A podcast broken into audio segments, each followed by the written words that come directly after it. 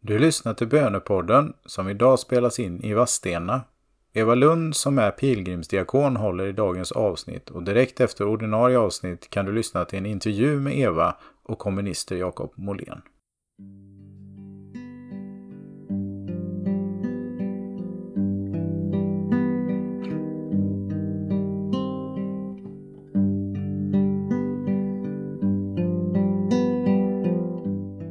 Välkomnar varandra till Vadstena, heliga Birgittas stad. Vi kommer att läsa en text som är från veckan Nådens gåvor är temat.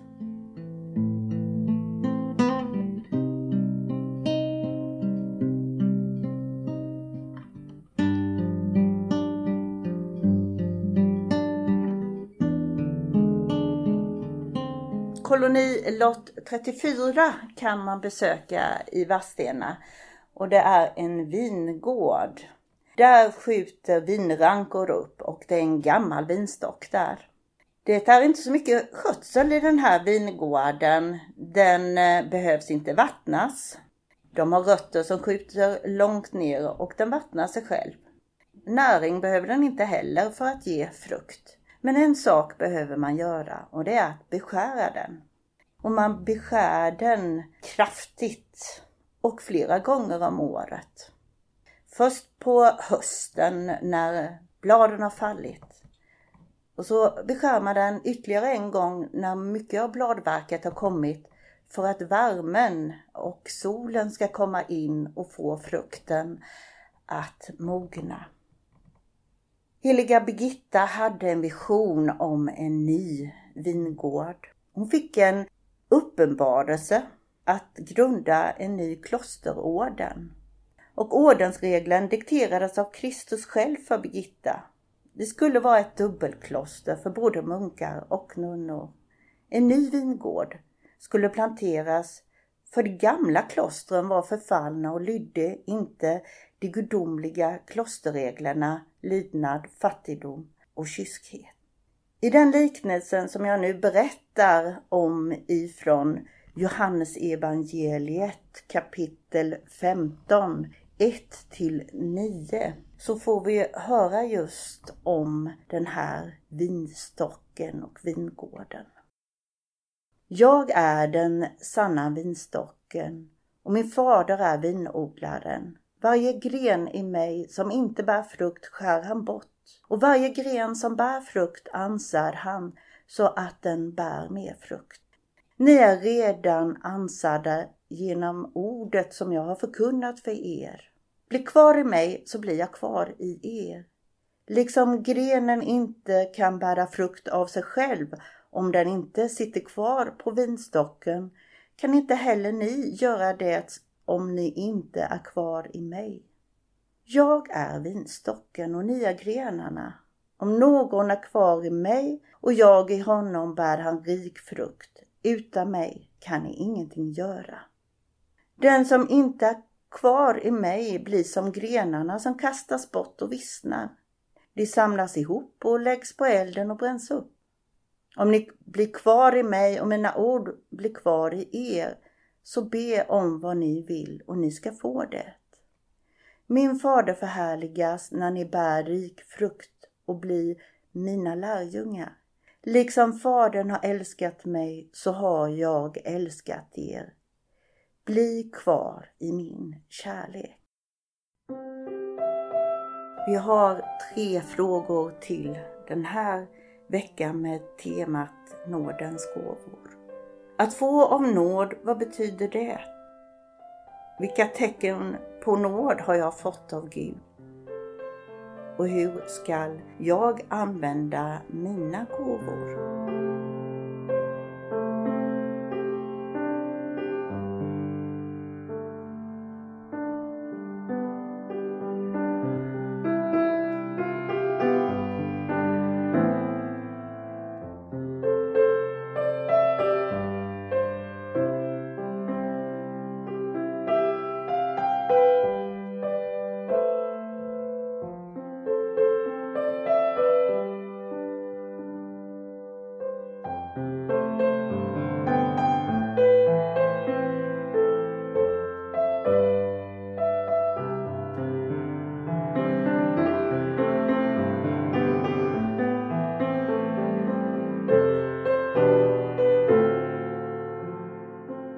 Vi lyssnar till texten en gång till. Jag är den sanna vinstocken och min fader är vinodlaren. Varje gren i mig som inte bär frukt skär han bort och varje gren som bär frukt ansar han så att den bär mer frukt. Ni är redan ansade genom ordet som jag har förkunnat för er. Bli kvar i mig så blir jag kvar i er. Liksom grenen inte kan bära frukt av sig själv om den inte sitter kvar på vinstocken kan inte heller ni göra det om ni inte är kvar i mig. Jag är vinstocken och ni är grenarna. Om någon är kvar i mig och jag i honom bär han rik frukt. Utan mig kan ni ingenting göra. Den som inte är kvar i mig blir som grenarna som kastas bort och vissnar. De samlas ihop och läggs på elden och bränns upp. Om ni blir kvar i mig och mina ord blir kvar i er, så be om vad ni vill och ni ska få det.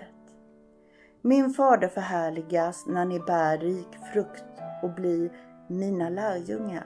Liksom Fadern har älskat mig så har jag älskat er. Bli kvar i min kärlek. Vi avslutar den här gudstjänsten från Vadstena heliga Birgittas stad med bön ifrån Birgitta. Herre Gud, för vilken ingenting är omöjligt och som kan allting.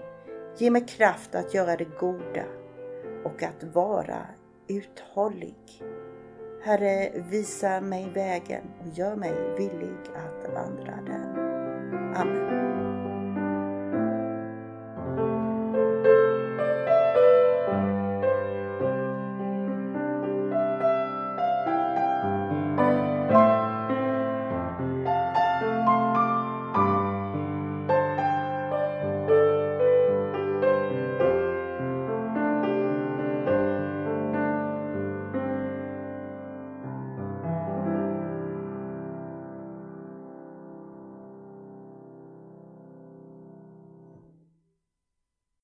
Idag så befinner sig Bönepodden i Vastena och jag sitter här i Mariakapellet tillsammans med Eva Lund som är pilgrimsdiakon på Pilgrimscentrum. Mm. Tack för att vi får komma hit mm. och prata med dig idag. Mm, tack.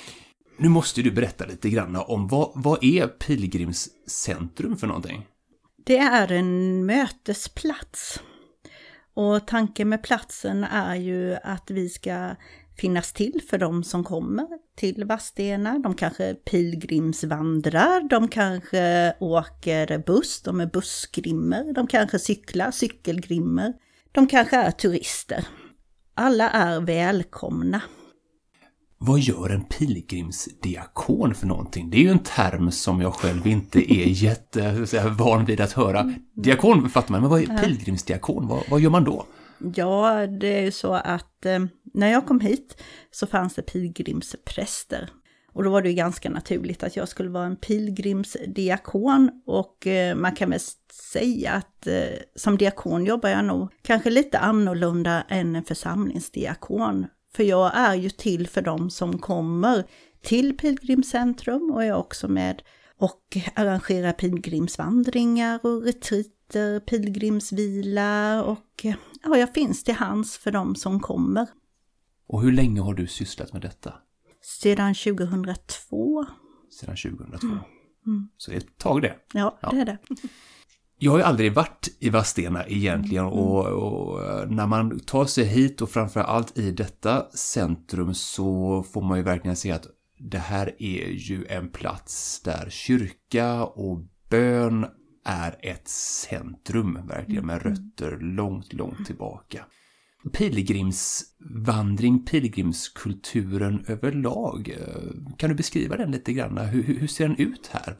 Alltså vi har ju eh, varit här på plats sedan 96-97 och eh, det var utifrån en vision som eh, kyrkoherde Kjell Karlsson hade. Att det, det behövdes någon som tar emot människor som kommer. Det fanns ingen som tog emot turister och pilgrimer som kom till klosterkyrkan. Och då ville man bygga upp en plats, en mötesplats. Och eh, sedan har det också utvecklats att vi leder pilgrimsvandringar. Man kanske inte vill företa sig en pilgrimsvandring själv.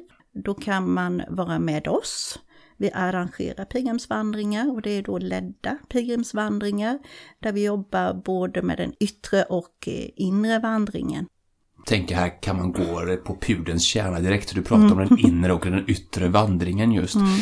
Eh, skulle man kunna kalla pilgrimsvandring som en sorts metafor för livet överlag? Beskriv lite grann det här förhållandet mellan den inre och yttre vandringen. Vad, vad, vad betyder det? Pilgrimsvandring har ju funnits sedan långt tillbaka. Alltså det var en vandring, kanske man företog sig för att man behövde reflektera över livet. Men det var också en vandring som man gjorde för att det var en tradition. Och eh, idag så är det ju mer viktigt för en människa att få reflektera över livet. Och det innebär ju att man gör paus i livet. Man företar sig en kanske vandring, det kan vara en dag och det kan vara flera veckor. Många kanske vill till och med åka utomlands. Man kanske går på leden El Camino till Santiago de Compostela. Men vi vill också uppmana människor att gå där de är, att vandra där de är. Vi behöver inte åka så långt för att göra den inre vandringen. Och vad är det, enligt ditt sätt att se på det här nu med pilgrimsvandring, vad, vad är det jag kan upptäcka på vandringen? Egentligen kan man upptäcka allt. Man kan upptäcka blommorna på vägen. Man kan upptäcka underlaget, man kan upptäcka sin kropp. Många gånger är vi stressade och vi förnimmer inte vår egen kropp. När blir den trött? När behöver jag vila? Man kan också upptäcka Gud i naturen. Gud är ju närvarande var vi än befinner oss. Mm. Jag brukar tänka så här att när vi går på en pilgrimsvandring så är vi en vandrande kyrka. Vi går i kyrkan mm. på ett nytt sätt. Och man kan ju också upptäcka livet som en vandring. När jag är ute på en vandring så eh, är det uppförsbackar och det är nedförsbackar. Ibland är det tufft att, gå, så är det också i livet. Och ibland går det väldigt lätt. Och vi har ju också de här vägskälen. Vilken väg ska jag välja? Det blir väldigt talande till mig att eh, livet är en vandring. Jag har ett mål med min vandring. Och när jag kommer fram till det där målet så kanske det är så att jag upptäcker att det finns nya mål. Men det är också det här bilden av målet som, ja, målet att få komma hem till Gud. Mm. Det finns där och att det går faktiskt att uppnå. Min vandring, kanske en vecka eller några dagar, kan bli en bild av att målet går att nå. Mm. Och att det finns någonting som vi inte kan definiera som här och nu. Det finns något bortanför här och nu. Men det, det, det, är nog viktigt att poängtera det, tänker jag, att en vandring har ett mål. Därför mm. en vandring utan mål mm. låter nästan som att man är vilsen på något sätt, mm. i någon mening. Va, liksom. men, men samtidigt så, som, som du är inne på här, tänker jag, det är det här jag tycker är väldigt fascinerande, just att den fysiska resan har ett mål och den andliga resan har det också, men ofta så kommer man fram till att det målet sen lite grann förskjuts lite längre fram, så att säga. Mm. Det vill säga att mm. men jag uppnådde ett delmål här, mm. men det, mm. det öppnade egentligen bara upp nya vägar, mm, mm. Eh, nya mål att sikta på. Och, men här, målet, det, det slutgiltiga målet, det har vi liksom i, i Gud. Mm. Men det händer väldigt mycket på den resan då. Alltså. Mm. Bön tänker jag, tänker jag, jag tror att många tänker så här att, att bön brukar vara en ganska så passiv aktivitet, det vill säga det är någonting jag mm. kanske gör på min kammare, där jag här, kanske stänger av ett antal olika intryck, eh, försöker uppnå tystnad, fokus och, och stillheten framförallt. Mm.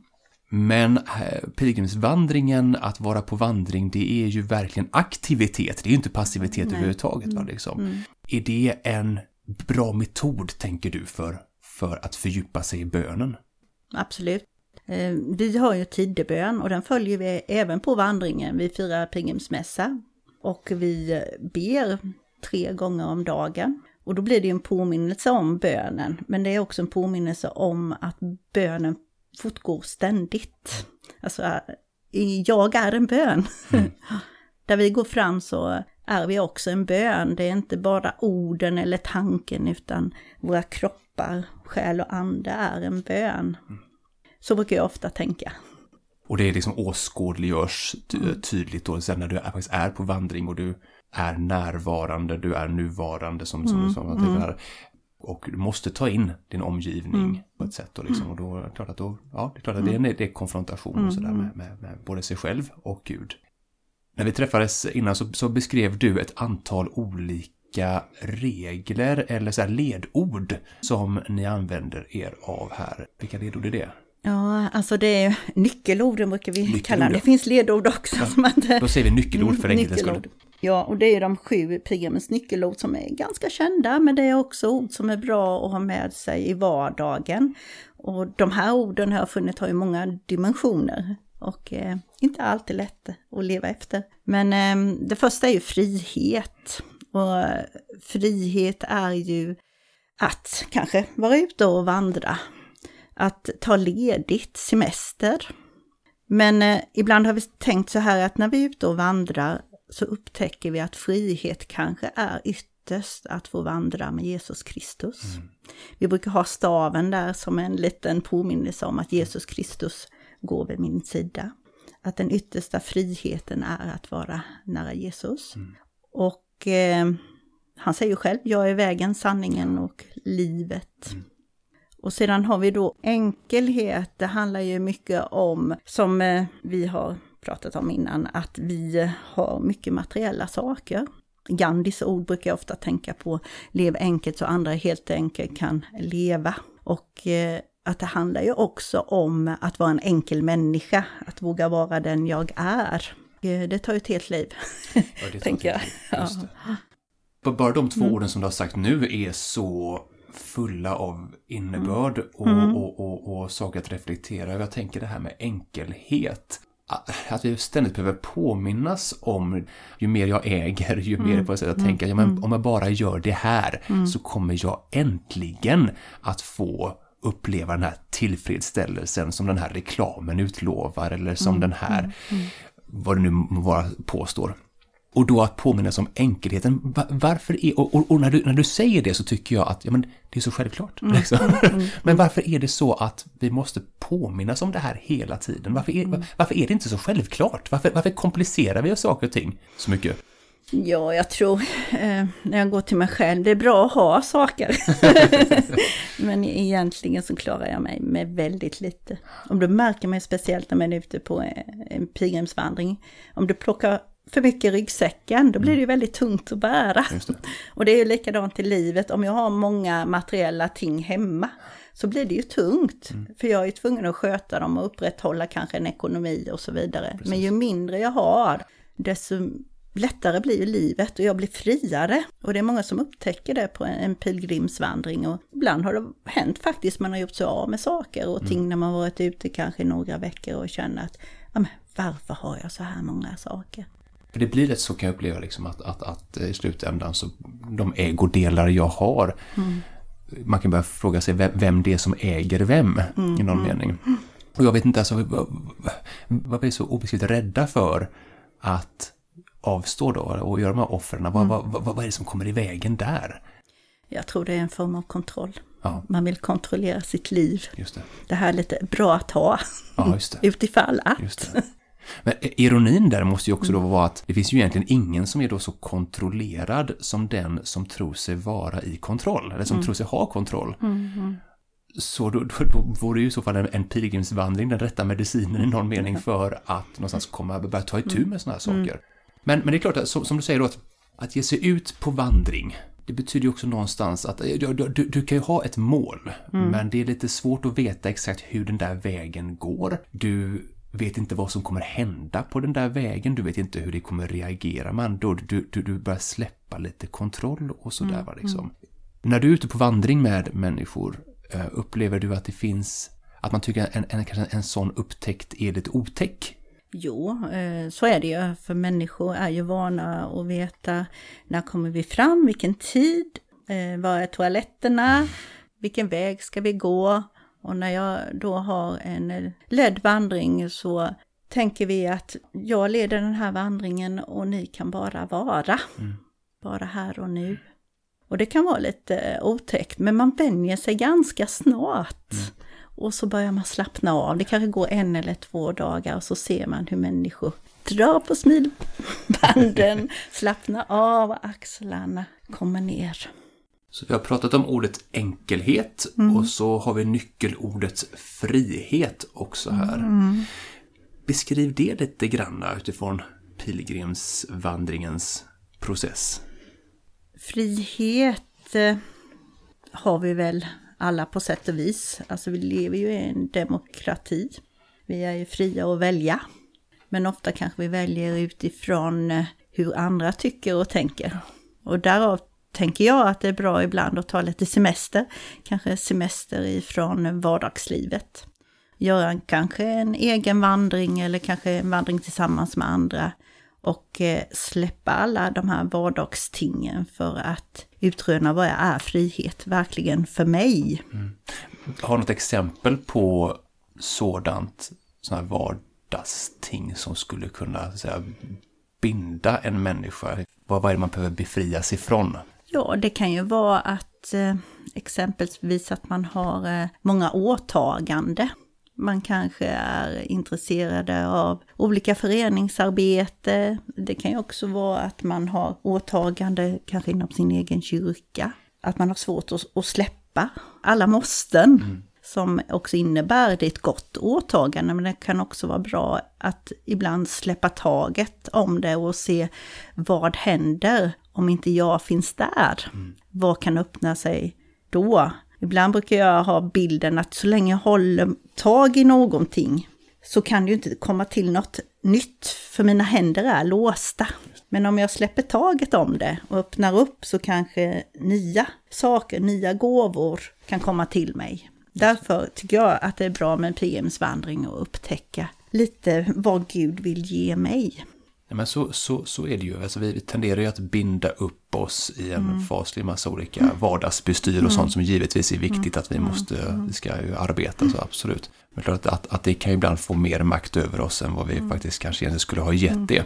Kan man utvidga det här med frihet också till, till ens identitet? Tittar vi mycket liksom i vår kultur i nuläget så handlar det om att det är så mycket som vill göra anspråk på hur vi ska identifiera oss och sådär. Jag tänker liksom vi matas med reklam. Jag tänker särskilt kanske också mycket på, på ungdomar, men även alltså egentligen vem som helst. Är ju någonstans ett, ett eh, villebråd för, för marknadskrafter och som gärna vill göra anspråk på vilka vi är och vilja definiera oss. Vad, hur, hur, hur kan pilgrimsvandringen hjälpa till med att liksom också befria oss ifrån sådana vanföreställningar om vår identitet?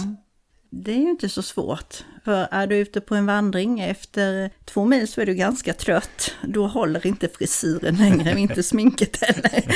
Och kanske inte någon fasad egentligen som jag har byggt upp, utan jag blir allt mer mig själv. Och då kanske man också upptäcker att människorna runt omkring mig älskar mig ändå. Jag får vara den jag är.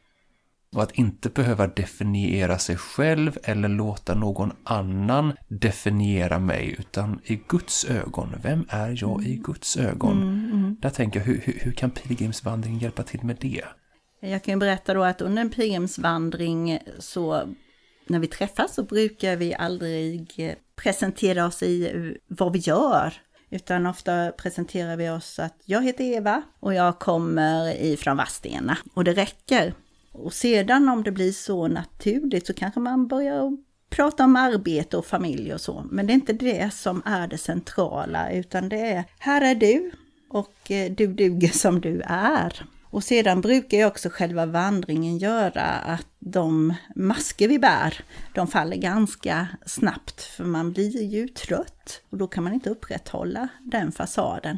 Och ibland kanske man gråter, ibland kanske man skrattar och ibland kanske man bara är trött. Och då får man upptäcka att jag är en del av den här gemenskapen ändå och det är alldeles tillräckligt att jag bara är här. Och det är en frihet från sig själv. Just det, det är en frihet från sig Du är själv. älskad som du är. Just det. Jag tänker också det att, att individualismen idag handlar ju väldigt mycket om att definiera sig själv, gärna träda in och arbeta på och upprätthålla en sorts fasad. Det vill säga att det är jag och bara jag i slutändan som kan definiera mig själv och det ska ingen annan göra.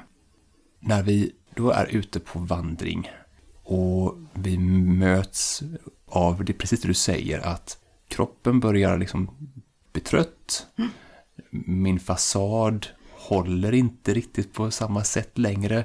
Finns det en möjlighet för Gud där då att kunna liksom börja göra någonting med mig?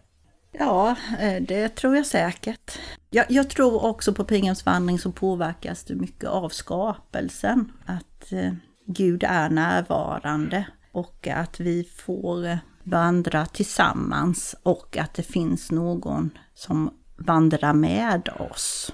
Och så på olika sätt så kommer ju också sinnena att bli mer närvarande. Alltså mina lukter, eller mitt luktsinne blir bättre. Eh, jag kanske ser blommorna på vägen. Det går inte så fort. Jag kan känna solen som värmer min kind och jag kan få vara den jag är. Men det känns som att mycket av det här tar vi ju så för givet egentligen. Alltså att man kan tycka att ja, men det låter ju fullständigt liksom, okontroversiellt och äh, inget konstigt alls att, att titta på blommor och, och, och känna dofter och så. Mm. Ändå så är det ju så, tänker jag, i någon mening att, att uh, fastän vi har det här precis utanför dörren, många mm, av oss, mm. kanske inte den som mm. kanske bor precis i innerstan, men många som att, att man bara kan träda ut och uppleva detta, så, så gör vi ju inte det. Utan vi, vi är ju på något sätt, det, det är liksom gömt helt öppet för oss. Mm.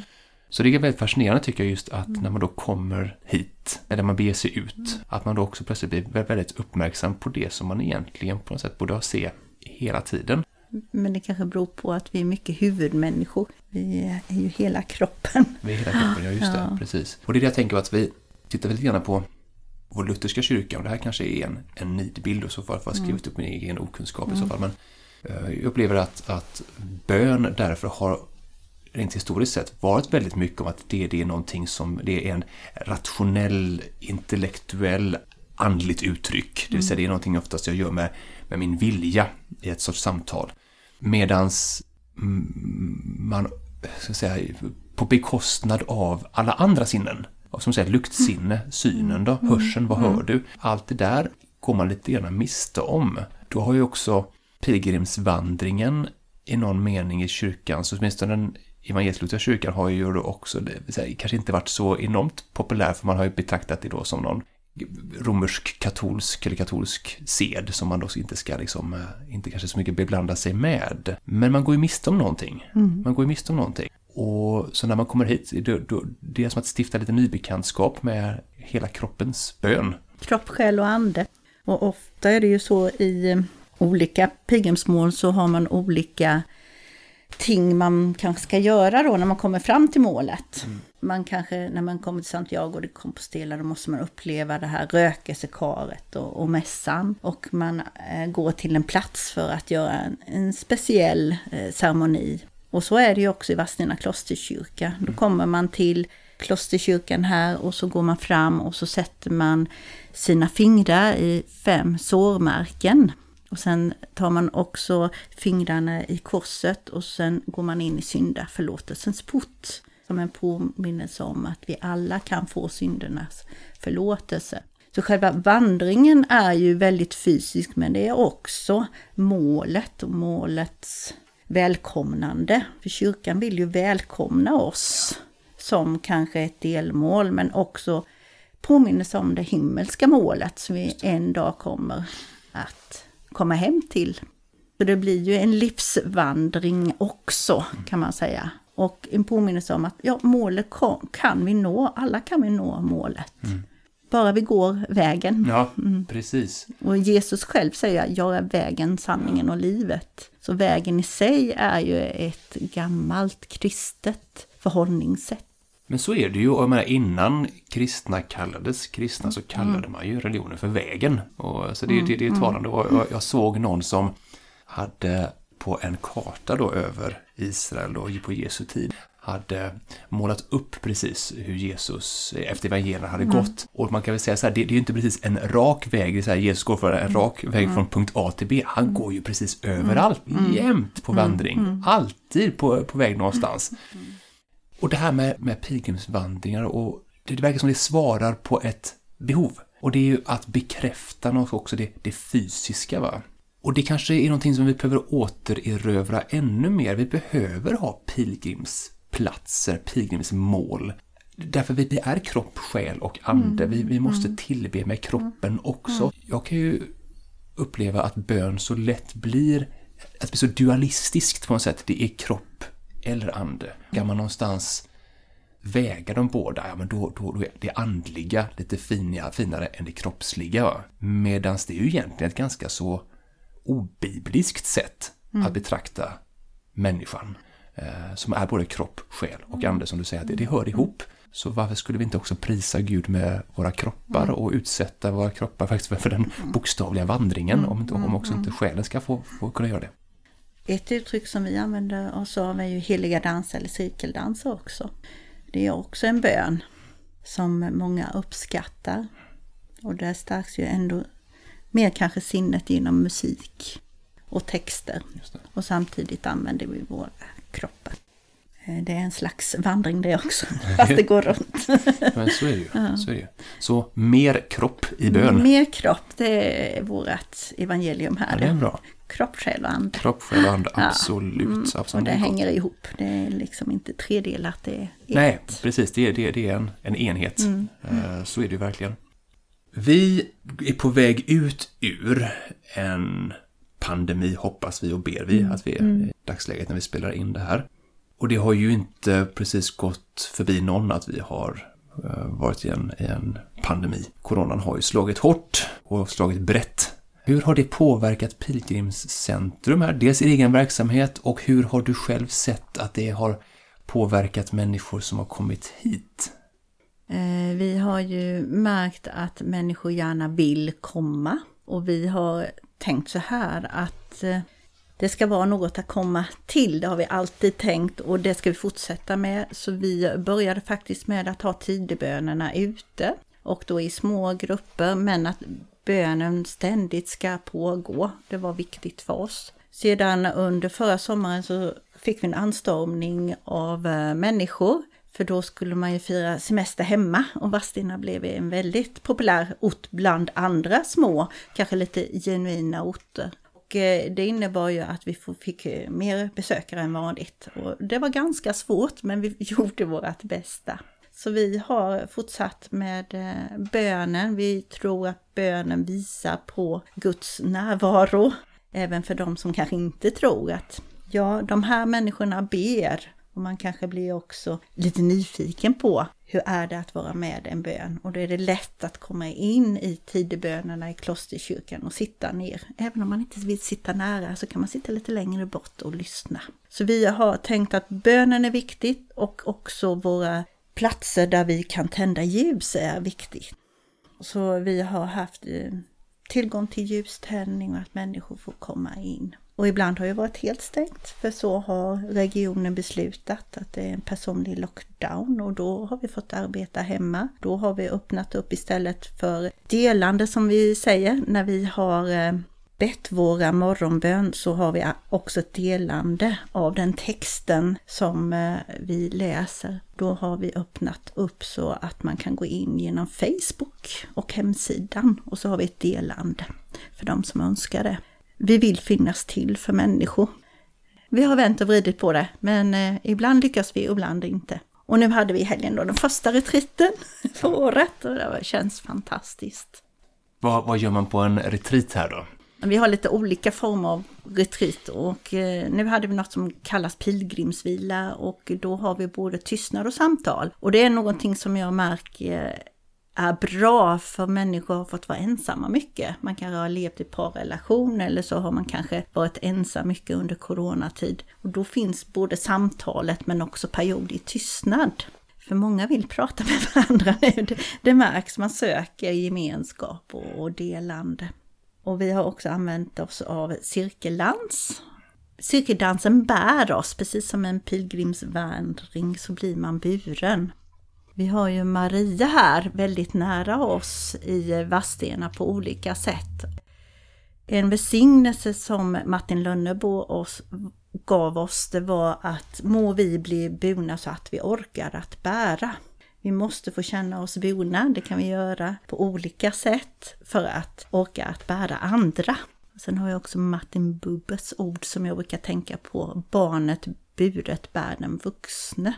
Alltså att vi behöver känna oss bona.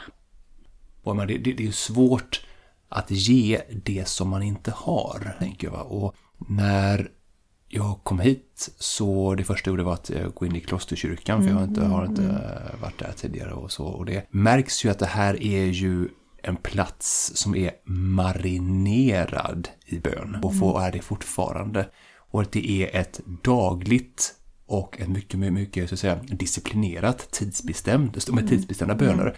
Beskriv det livet lite grann. Vi tror ju att eh, bönen finns ständigt, men det är en bra påminnelse att den finns här konkret i klosterkyrkan. Så vi börjar ju med pilgrimsmässan klockan åtta på morgonen och det är en kort mässa så att alla kanske hinner iväg på det man ska, en kvart, 20 minuter. Sedan ber vi då Laudus eller morgonbönen klockan nio och därefter har vi ett delande av den texten då utifrån vad vill den här texten säga mig idag? Och sedan eh, så klockan 12 då har vi sext, bön i sjätte timmen och då går vi till bön igen. Och därefter så har vi klockan 15 en tid då vi ber vesper. Det är en tidig vesper, alltså bön på eftermiddagen. Då brukar en del säga, men hur hinner ni arbeta? men ibland eh, får man säga så här, vi hinner att arbeta för att vi ber. Ja, just det. Ja. Precis. Exakt. För det blir en påminnelse hela tiden om vad som är centralt. Yes. Och den, särskilt den bönen på morgonen som vi också delar kommer att bli något som jag kan bära med mig under dagen. Kanske tänka på, ja, jag kan också prata med andra om. Det blir väldigt levande på det viset att bönen är pågående. Just det, det är som det klassiska latinska uttrycket ora et labora. Jajamensan. Det är att arbeta. ja. Det ena mm, förutsätter det andra. Ja. Det ska bli liksom en bra ja. balans på det. Men det märks ju väldigt, väldigt tydligt när man är här att, mm. att här, här är bönen levande. Och just att, att tidigärden, att man är så, ska vi säga, lojal kring att be tidigärden som ändå är kyrkans bön har, har varit mm. faktiskt under hela kyrkans liv, det vill säga det här att, att eh, fokus på salta texterna. Mm, det handlar ju mycket om att eh, ge tid till Gud, men också tid till mig själv. Så tidigare betyder ju att det är en tidsgåva. En tidsgåva, ja. Mm. Precis. Men vi har ju också um, några andra som ber här. och det är ju Birgitta-systrarna i sitt kloster. Så vi kan säga att vi har parallella tideböner här. På kvällarna brukar vi försöka be tillsammans, men det har vi inte gjort nu under coronatiden. Men Nej. då brukar vi be kompletorium, eller som vi säger, kvällsbönen, göra dagen komplett. Just det, mm. precis. Ja, det är ju väl omöjligt att prata om Vastena utan att mm. nämna den heliga mm. Birgitta. Måste berätta någonting mm. om henne. Heliga Birgitta hon levde ju på 1300-talet. Det är ju länge sedan men hon kan ändå vara en förebild. Hon är en förebild för mig. Och tidigt fick hon faktiskt också en känsla av att vara värdefull. Och det tänker jag ofta att det är viktigt att vi människor får känna det i tidig ålder. Och eh, hon fick en krona av jungfru Maria och den sattes på hennes huvud. Och hon kunde sedan känna att det var precis som att den här kronan stannade kvar. Och hon kände att hon var värdefull och att hon också hade en uppgift att fylla.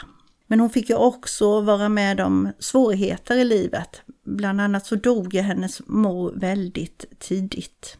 Och när hon var sjuårsåldern så mötte hon Kristus på korset. Och jag tycker det är en vacker historia. Prästen berättar om hur Kristus lider på korset. Och när hon sedan på natten drömmer så är det precis som Kristus är levande inför henne. Och då frågar Birgitta, men varför lider du så, Kristus? Jo, jag lider för att människor föraktar mig och älskar mig inte. Och det där tog heliga Birgitta till sig, så hon älskade Jesus resten av sitt liv. Det, det var väldigt nära för henne. Och jag tänker det är också en... Det är också något vi kan ta till oss idag. Jag lider så för att man föraktar mig och vill inte ta emot min kärlek. Och jag tror det är det vi människor har svårt att göra. Vi har svårt att ta emot hans kärlek och förstå hur mycket han älskar oss. Hade vi förstått det, då hade världen sett annorlunda ut. Amen. Amen. Trevligt det, absolut.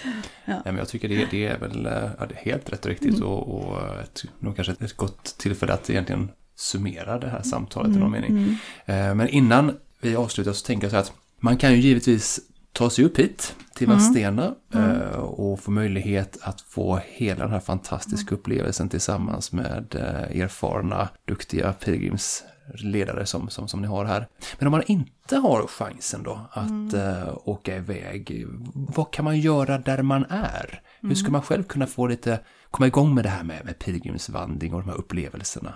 Alltså, dels så tror jag att alla kan egentligen pilgrimsvandra, även om jag inte kan gå med mina apostlahästar. alltså mina ben kanske inte håller, för vi kan alla göra en inre vandring. Och vi har alldeles utmärkta meditationsböcker till det. Det finns många böcker som kan vara bra att använda, böcker som kanske dag för dag tar upp en bibeltext. Det är en sorts av inre vandring. Men sen är det ju så också i Sverige så har det ju spridit sig. Och det var ju ett av eh, Pilgrimscentrums uppdrag också att försöka sprida just pilgrimsvandringen som en form att be. Och eh, då kan man gå till sin församling och se om det finns pilgrimsvandringar där. Vill man veta mer också kan man gå pilgrimskurser. Det finns många ställen idag i Sverige och i Danmark och i Norge. Det. så det sprider sig. Det sprider sig, ja. Och om det inte finns på ens, ens lokala församling så kanske man ska se detta som kanske en kallelse till att Herren kanske man ska dra igång någonting ja. i så fall. Då. Det är därför vi har pilgrimskurser. Ja, det är bra, det är jättebra. Det är jättebra. Ja, ja. Vi har en bok här, Pilgrimens tidigärd, och på den står det Ora et peregrinare, mm. som betyder alltså be och vandra. Mm. Be och vandra. Mm. Och det tänker jag, det får, det, det får lov att avsluta det här mm. samtalet. Tack så mycket Eva för att du fick Tack. komma hit och att du tog dig tid. Ja, tack så mycket.